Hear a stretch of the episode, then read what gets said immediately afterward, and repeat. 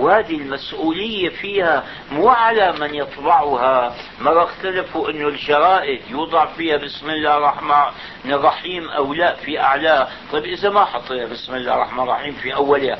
ألا يأتي خلال المقالات اسم الله؟ ألا تأتي آيات؟ ألا تأتي أحاديث؟ فيجب على من يقتني الجريدة ألا يلقيها. ناس بيحطوها يأكلون عليها تلقى عليها الاوضار والسمن والزيت بعدين بيأخذها بيرميها. تروح مع القمامة وفيها آيات وفيها أحاديث. رأيت بعض الأولاد الصغار ما لهم عقل ما هم المسؤولين. المسؤول معلموهم وأهلوهم. يطلع من الامتحان بيأخذ كتب الدين حتى أجزاء المصاحف بمزقها وبيرميها. ولا الصغير بالصف الأول. هذا عند الله لا يؤاخذ. ما بلغ سن المؤاخذة ولا سن التكليف فكرموا اسم الله. ولا تجعلوه موضع ابتذال بالشرك. إذا واحد تعمد هذا يكفر. لو واحد تعمد إهانة المصحف أو إهانة آيات من من كتاب الله أو إهانة اسم الله تعمد أن يلقيه مع الأقذار أو شيء هذا يستتاب إن لم يتب يحكم عليه بالردة والكفر. المسألة ما هي هينة؟ وتدارك بها الأمر. هذول أصحاب معامل الورق اعملوا بها الاقتراح هذا. تجمعون أوراقا وتستفيدون منها. تعيدوا عجنها من جديد. والأمر معروف عندهم. هذا يذكر مسألة. شوفوا اليوم في أمور على البدع. البدع والأمور المخالفة. في إشكال بالكلام عنها. أحيانا الكلام عنها لمن لا يعرفها كأني عملت دعاية لها. فما الموقف فيها؟ هذه جاءتني رسائل كثيرة عن أمر. ما أظن أنه مشهور لكنه موجود. لكثرة الرسائل قال في آه، آه، بلندن آه، شريط هذا شريط كاسيت كاسيت معناتها علبة. كاسيت معناتها علبة. ولقيت هذه للتصوير بالأخير إنه أخذوا سورة الفجر يعني سورة من سور القرآن قال هذه مسجلة مع أنغام موسيقية ومع شيء وزعم مرسل الرسالة أنها تباع هنا داخل المملكة. لا بدي أذكر المكان اللي عينه انه تباع فيه ولا عنوانها لكن أحذر منها. فمن لم يسمع بها يحمد الله على الخلاص وعلى البعد هي مثل لو قلت إنه في مرض منتشر أو في سم في سم يمشي بين الناس. و فمن كان قد وصل إليه يتنبه ويجتنبه. لكن ما وصل إليه ما بدل عليه ما أقول له أنه اسمه كذا يمكن يذهب فيجربه فيموت. فأكون أنا يعني المسؤول عن عن عنه آه، آه، أمام الله. نعم. هذه مسألة دائما ترد. أنه واحد يصلي قال في الحرام ويقرأ في المصحف فيحمله ويذهب به. قال هذا ندم الآن وسافر إلى بلده فماذا يصنع؟ طيب لماذا أخذته يا ابني؟ لماذا أخذت المصحف من الحرام؟ هذا موقوف على الحرام لا يجوز. فتشتري مصحفا إذا استطعت وتضعه في مكانه الذي أخذت منه المصحف الأول. إذا ما استطعت في الحرام فضعه في مسجد آخر يحتاج فيه إلى مصحف ويقرأ فيه المصلون. بعدين أنبه لنقطة. لك هلأ الناس كثير من الناس ما يأخذ منك شيئا ما يمد يده إلى جيبك فيسرق منه عشرة ريالات. لكن أموال الدولة والأموال العامة ما نبالي بها. ويحسب الناس بأنه يعني استعمال أموال الدولة جائز. هلا موظف يريد رأيت مرات يريد أن يكتب الموظف رقم تلفون رقم هاتف يأخذ لي ورقة كبيرة. من الورق السميك هذه الوحدة منه تكلف كذا؟ بيكتب الرقم في وسطها. ليش يا عمي؟ لو كان انت دافع ثمن هالورقة هاي ما تضيعها من أجل رقم هاتف صغير. هذا هذا الغلول. الغلول شو هو؟ أخذ أموال الغنائم سرقة أموال الدولة. الله قال ومن يغلل يأتي بما غل يوم القيامة. يوم القيامة عند الحساب الله بيقول له روح جيب ورقة في مكانها. منين بده يجيبها هناك ما في معمل ورق. ولا بيستطيع يشتريها من السوق. إذا بده يدفع ثمنها منين؟ ما في ريالات ما في دولارات ما في عملة. يدفع ثمنها من حسناته. مثل اللي بيجوا للمسجد مصاحف وضعت في الحرم ليقرأ فيها الناس. تحمله بتاخذه إلى بيتك رأيت مرة واحد ليش؟ قال البركة. الله لا يبارك فيك. شو البركة سرقت المصحف من هنا تتبارك به. إيش الحكي هذا؟ بعض الناس والله رأيته واحد مرة اشتريت من أنا ما أشتري شيئا. اشتريت منه أخذ مني زيادة. ولك ليش يا عمي زيادة؟ قال لا أنتم المشايخ أموالكم بركة. يعني البركة أن يسلب البركة من مالك. كلام فارغ فهذا أموال الدولة والأموال العامة ينبغي الاحتياط فيها أكثر من الأموال الفردية. قال إنه كيف قال في سورة الأنعام كاتب الصورة مو صورة صورة بالسين الآيات من عشرين ثلاثة وعشرين عم يعدها. قال هي مدنية والباقية مكية. يسأل عن معنى المكي والمدني. القول الأصح في المكي والمدني ما نزل قبل الهجرة هذا يسمى المكي. وما نزل بعد الهجرة المدني ولا عبرة بمكان النزول. هذا على هذا القول ولعله أصح الأقوال. فإما العبرة إما بالزمان أو بالمكان. فالذين نسبوه إلى الزمان قالوا ما نزل في مكة وما نزل في المدينة وما نسبوه إلى الزمان ما نزل قبل الهجرة هذا هو المكي وما نزل بعد الهجرة فهو المدني. في آيات نزلت أواخر من أو في أواخر ما نزل من القرآن نزلت في مكة وتعتبر بالعرف من الآيات المدنية. نعم. يا إخوان في عندنا مسائل خلافية. معنى خلافية أنه لم يرد فيها دليل من آية صريحة أو حديث صحيح صريح بل ترك فيها مجال للاجتهاد وهذا من مرونة الشريعة الإسلامية وهذا من أسباب صلاحها لكل زمان ومكان. هالأمور هذه الخلافية أكثرها متعلق بالمعاملات الدنيوية اللي وردت بها نصوص عامة وبعضها يتعلق بأمور يعني من آه، تتصل بالعبادة وذلك قليل.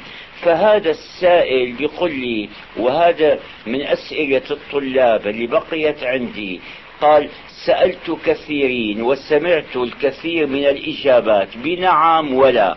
فأرجو إفادتنا. إن كانت قراءة القرآن والصدقة والدعاء يصل ثوابها إلى الميت أو لا. شوفوا هذا السائل قال قراءة القرآن والصدقة والدعاء. الدعاء للميت هذا يصل ثوابه بالاتفاق يعني ما في ليس بين العلماء خلاف بأن الدعاء للميت ينفعه فحتى يطلب منا إذا دعونا لميت أن ندعو لسائر موتى المسلمين بقول ربي اغفر لي ولوالدي إيش؟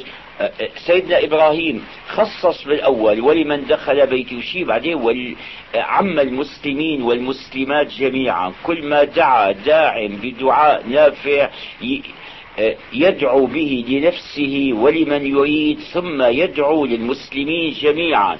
ورحمة الله ما تضيق بالمسلمين؟ ولك ربنا عنده الكثير وربنا يعطي الكثير وربنا يغفر الذنب الكبير. ولذلك كل ما استغفر الله واحد منكم بيقول ربي اغفر لي ولوالدي ويقول واغفر للمسلمين والمسلمات. إذا طلب خيرا من الله يطلب لنفسه خلاصة أن الدعاء للميت هذا ينفعه بالاتفاق ما في كلام. السؤال الثاني يقول عن الصدقة الصدقة عن الميت. هل تنفع الميت؟ نعم تنفعه إن شاء الله. فإذا واحد تصدق بصدقة ونوى طلب من الله أن يصل ثواب هذه الصدقة إلى الميت فإن الله بكرمه. طبعا الله لا أستغفر الله العظيم لا يجبره أحد. وإنما بكرمه وبرحمته وبمنه يوصل الثواب هذا إلى الميت. صار الدعاء ينفع الميت. الصدقة عن الميت تنفعه. استطرادا قبل أن آتي لبقية الجواب أيضا الحج عن الميت ينفعه إذا حج عنه ولده أو حج غير ولده. يعني أي واحد من المسلمين والمسلمات يحج أو يعتمر عن أي ميت من المسلمين والمسلمات فإن ثواب الحج يصل إلى هذا الميت. ولحج أيضا له ثواب إذا نوى بذلك وجه الله. في واحدة ثالثة أيضا أقول بالاستطراد جاء رجل سأل النبي عليه الصلاة والسلام أنه أنه كان يبر أباه وهو حي قال له أبي الآن مات كيف أستطيع أن بقي شيء من البر؟ يعني أبره به بعد موته معنى الحديث قال له له إذا كان له أصدقاء أو أقرباء صلة الإبن بهم عن طريق الأب فإذا واصل أصدقاء أبيه بعد موته ونوى بذلك ثواب الله وبر أبيه يكون له ثواب. بقي النقطة اللي هي يعني مدار السؤال عليها. قراءة القرآن وإهداء الثواب للميت. هذه مألوف الآن في البلاد. إذا مات الميت يقرؤون القرآن. ويطلبون إهداء ثوابه للميت. هاي المسألة اختلف فيها العلماء. بعضهم قال لا من أرباب المذاهب. قالوا لا يصل واحتجوا بقوله تعالى وأن ليس للإنسان إلا ما سعى واحتجوا بقول الرسول عليه الصلاة والسلام إذا مات ابن آدم انقطع عمله إلا من, من ثلاث في ناس قالوا لا يصل يصل بمن الله وكرمه. ومن الذين قالوا بأن ثواب القراءة يصل إلى الميت ابن القيم تلميذ ابن تيمية. أظن أن ذلك في كتاب في كتاب هلا بتذكر. في كتاب الروح في كتاب الروح أظن في كتاب الروح أقام يعني على ما أذكر عشرات من الأدلة يمكن أقام أربعين دليلا على, على أن ثواب القراءة يصل. هذا كله انتبهوا. هذا في من قرأ القرآن لله.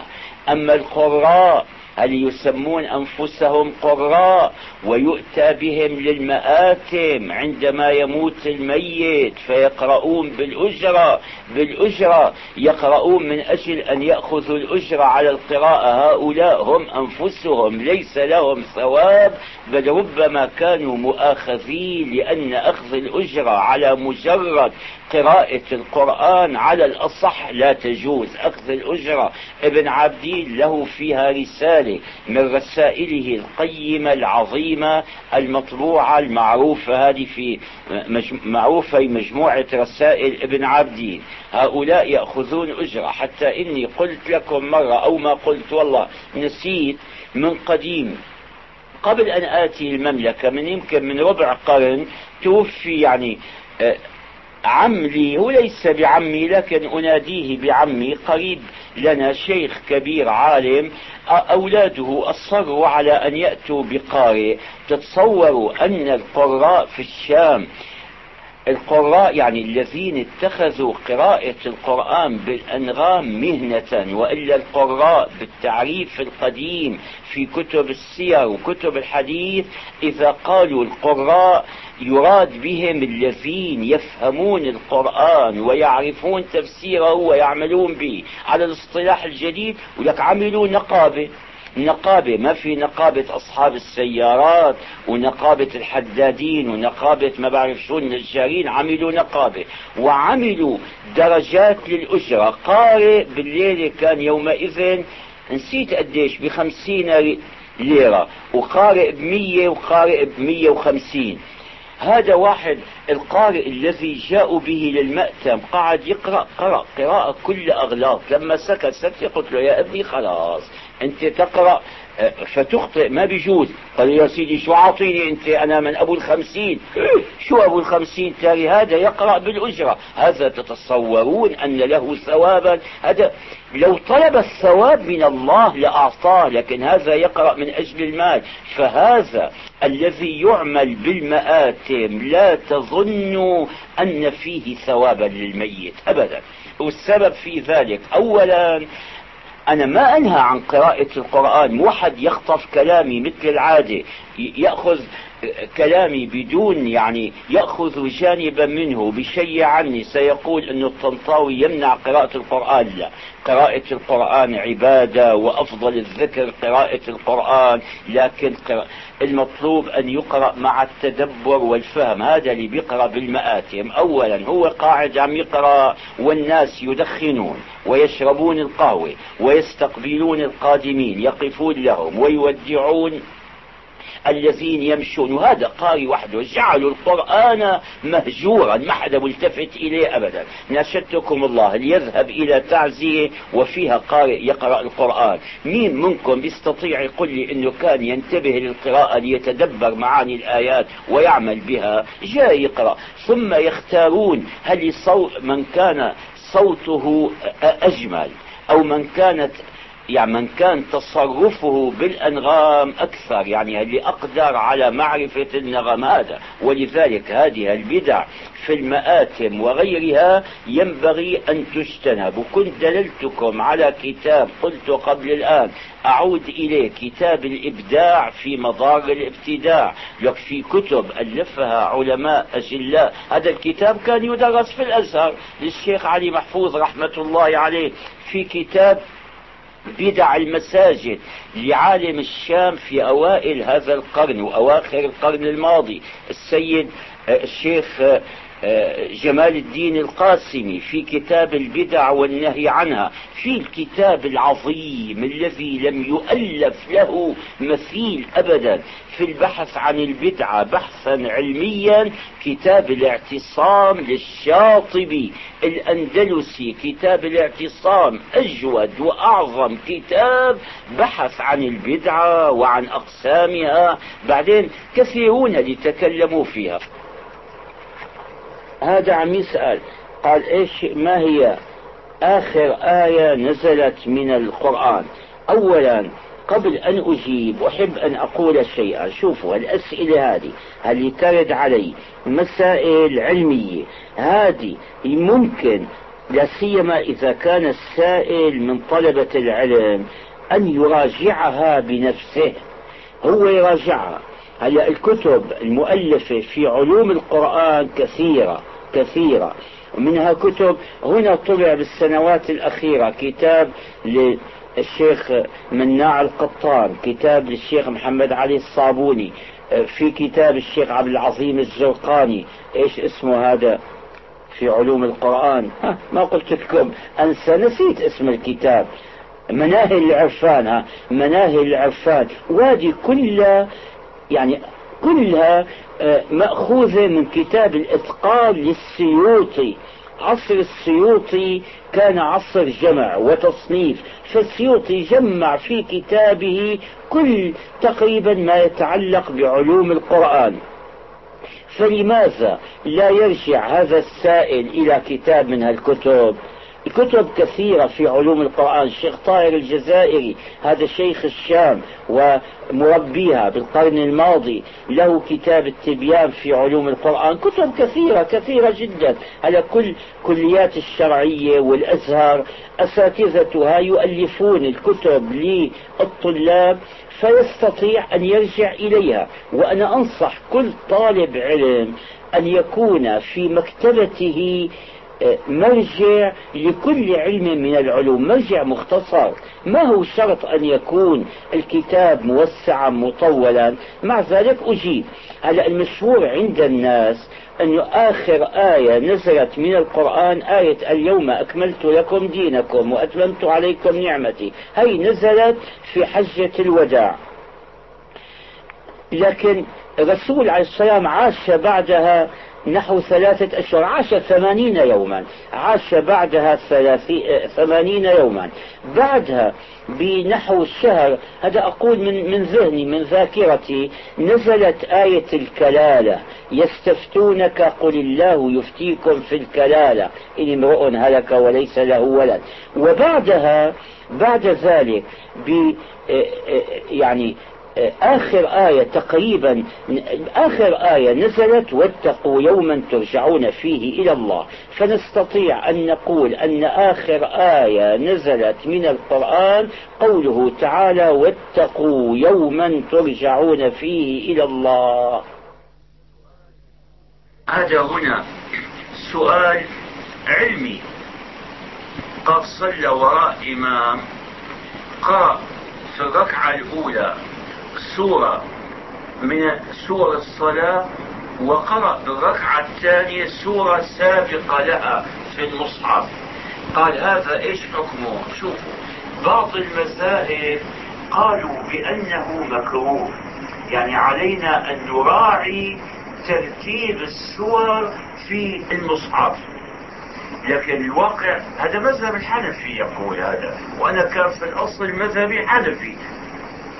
لكن عندما يأتي الحديث الصحيح بالأول كان عندي عصبي أنه أبدا ما أمشي إلا على مذهبي وشيء وآتي ب يعني حجج وأجادل اليوم لا والله إذا رأيت الحديث الثابت الصحيح على خلاف مذهبي ما في كلام إني أعمل بالحديث. فبالحديث بصحيح مسلم حديث حذيفة أحفظه أنه رسول اللهم صل عليه صلى بسورة نسيت أي سورة نعم ثم قرأ بالركعة الثانية سورة سابقة لها. فاللي عليه أكثر العلماء في عندنا ترتيب المصحف هذا. ما حكمه؟ ترتيب الآيات في السور. هذا من الله. وسع شوي معليش. وإن كان الآن خلال الصيف المستمعون لهذا البرنامج أقل في المملكة هنا. أكثرهم بيطلعوا برا. وبين قوسين والله ما أدري ليش ليش لماذا تكثرون الذهاب في الصيف؟ بتلاقي هنا كثير ممن تعرف تسأل وين فلان؟ قال المتعاقدون من أهل البلاد الأخرى ذهبوا إلى بلادهم؟ أهلا وسهلا ما في مانع. أما ودينا اللي بريد يصيف في مكة هنا حر شديد راحوا لبلد ألطف ما في مانع. لكن لما تروحوا في المملكة نفسها ثم إذا أراد أن يذهب إلى خارج المملكة. طيب يروح لبلد إسلامي يا جماعة لبلد إسلامي لبلد يسمع فيه الأذان. مو يروح لبلد ويأخذ أولاده معه يتأثرون تنطبع في نفوسهم صور ما يرون وأصداء ما يسمعون. هي تبقى بنفسه تكبر. تروحوا ليش البلاد؟ وإيش فيها؟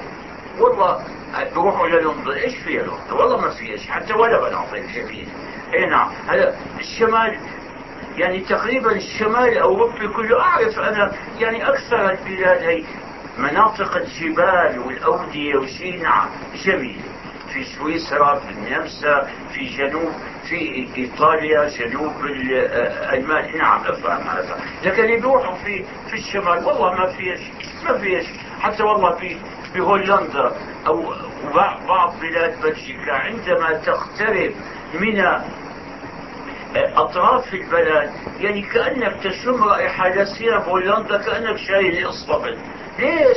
من كثرة البقر والعناية بها. فما شو فيها لا دين ولا دنيا.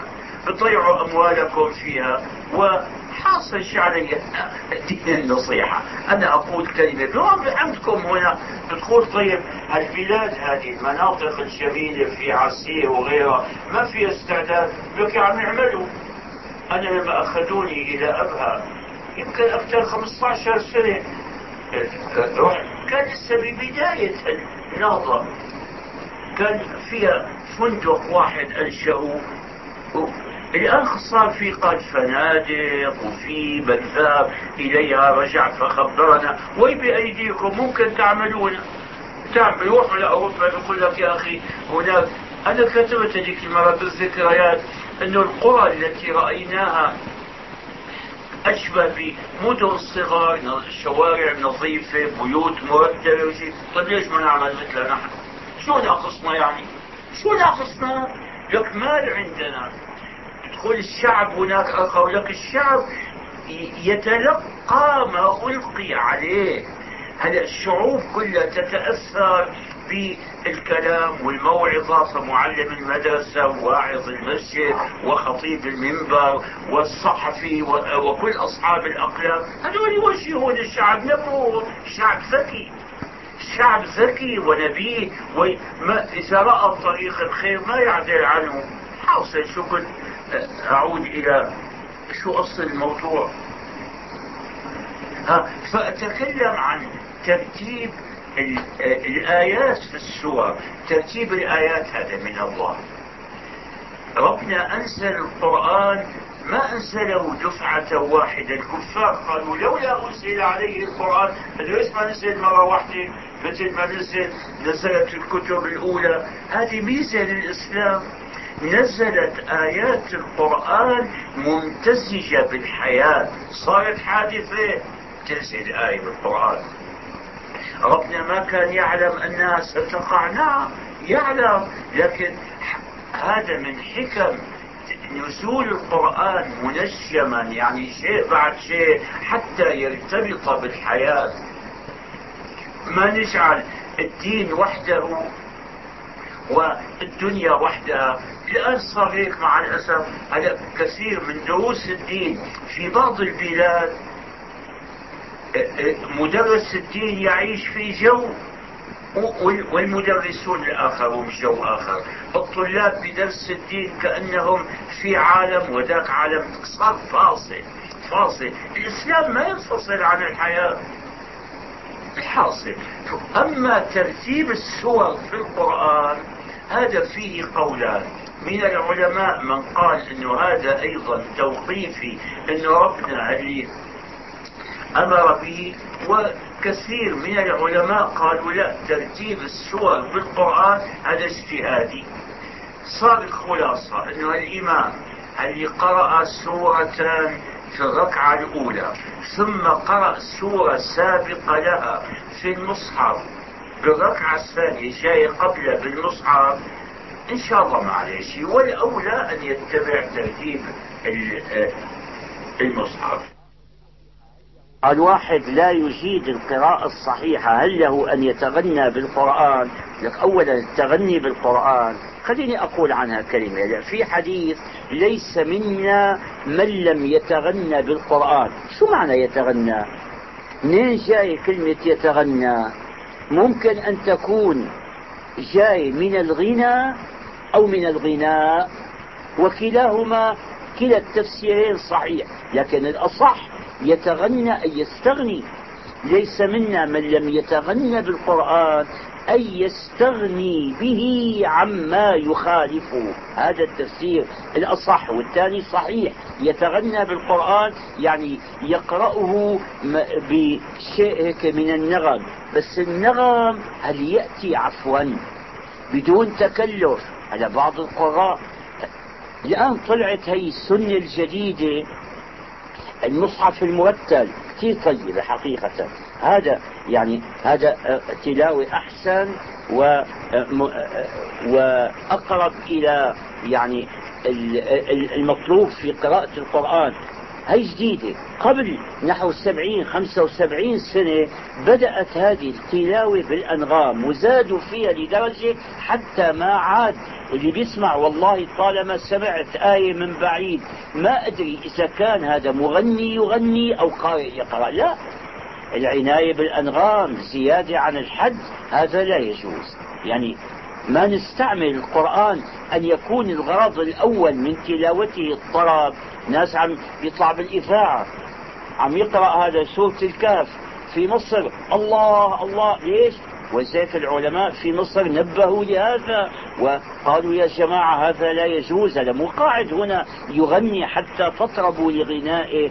المطلوب عند سماع القرآن الخشوع لا الطرب وبين الطرب والخشوع مثل زرين متقاربين. تكبس على هذا بتدور المروحة تكبس على الثاني آه، آه، بيشعل آه، الضوء. فالمهم الخشوع. الله شو وصف المؤمنين؟ إذا تليت عليهم آياته زادتهم إيمانا وزادتهم طربا مو طرب مو هي عم تغني مغنية أو مغني حتى نحن نقول الله أعد. وما بقي غير التصفيق لا هي بطلت الآن الحمد لله والعلماء في مصر دائما يكتبون وينبهون ويعظون بيقولوا للعوام أنه هذا الشيء يعني لا, لا يجوز فصار معنى ليس منا من لم يتغنى بالقرآن أي يستغني به عما يخالفه وقراءته بالنغم اللي غير متكلف مطلوبة والسلام عليكم ورحمة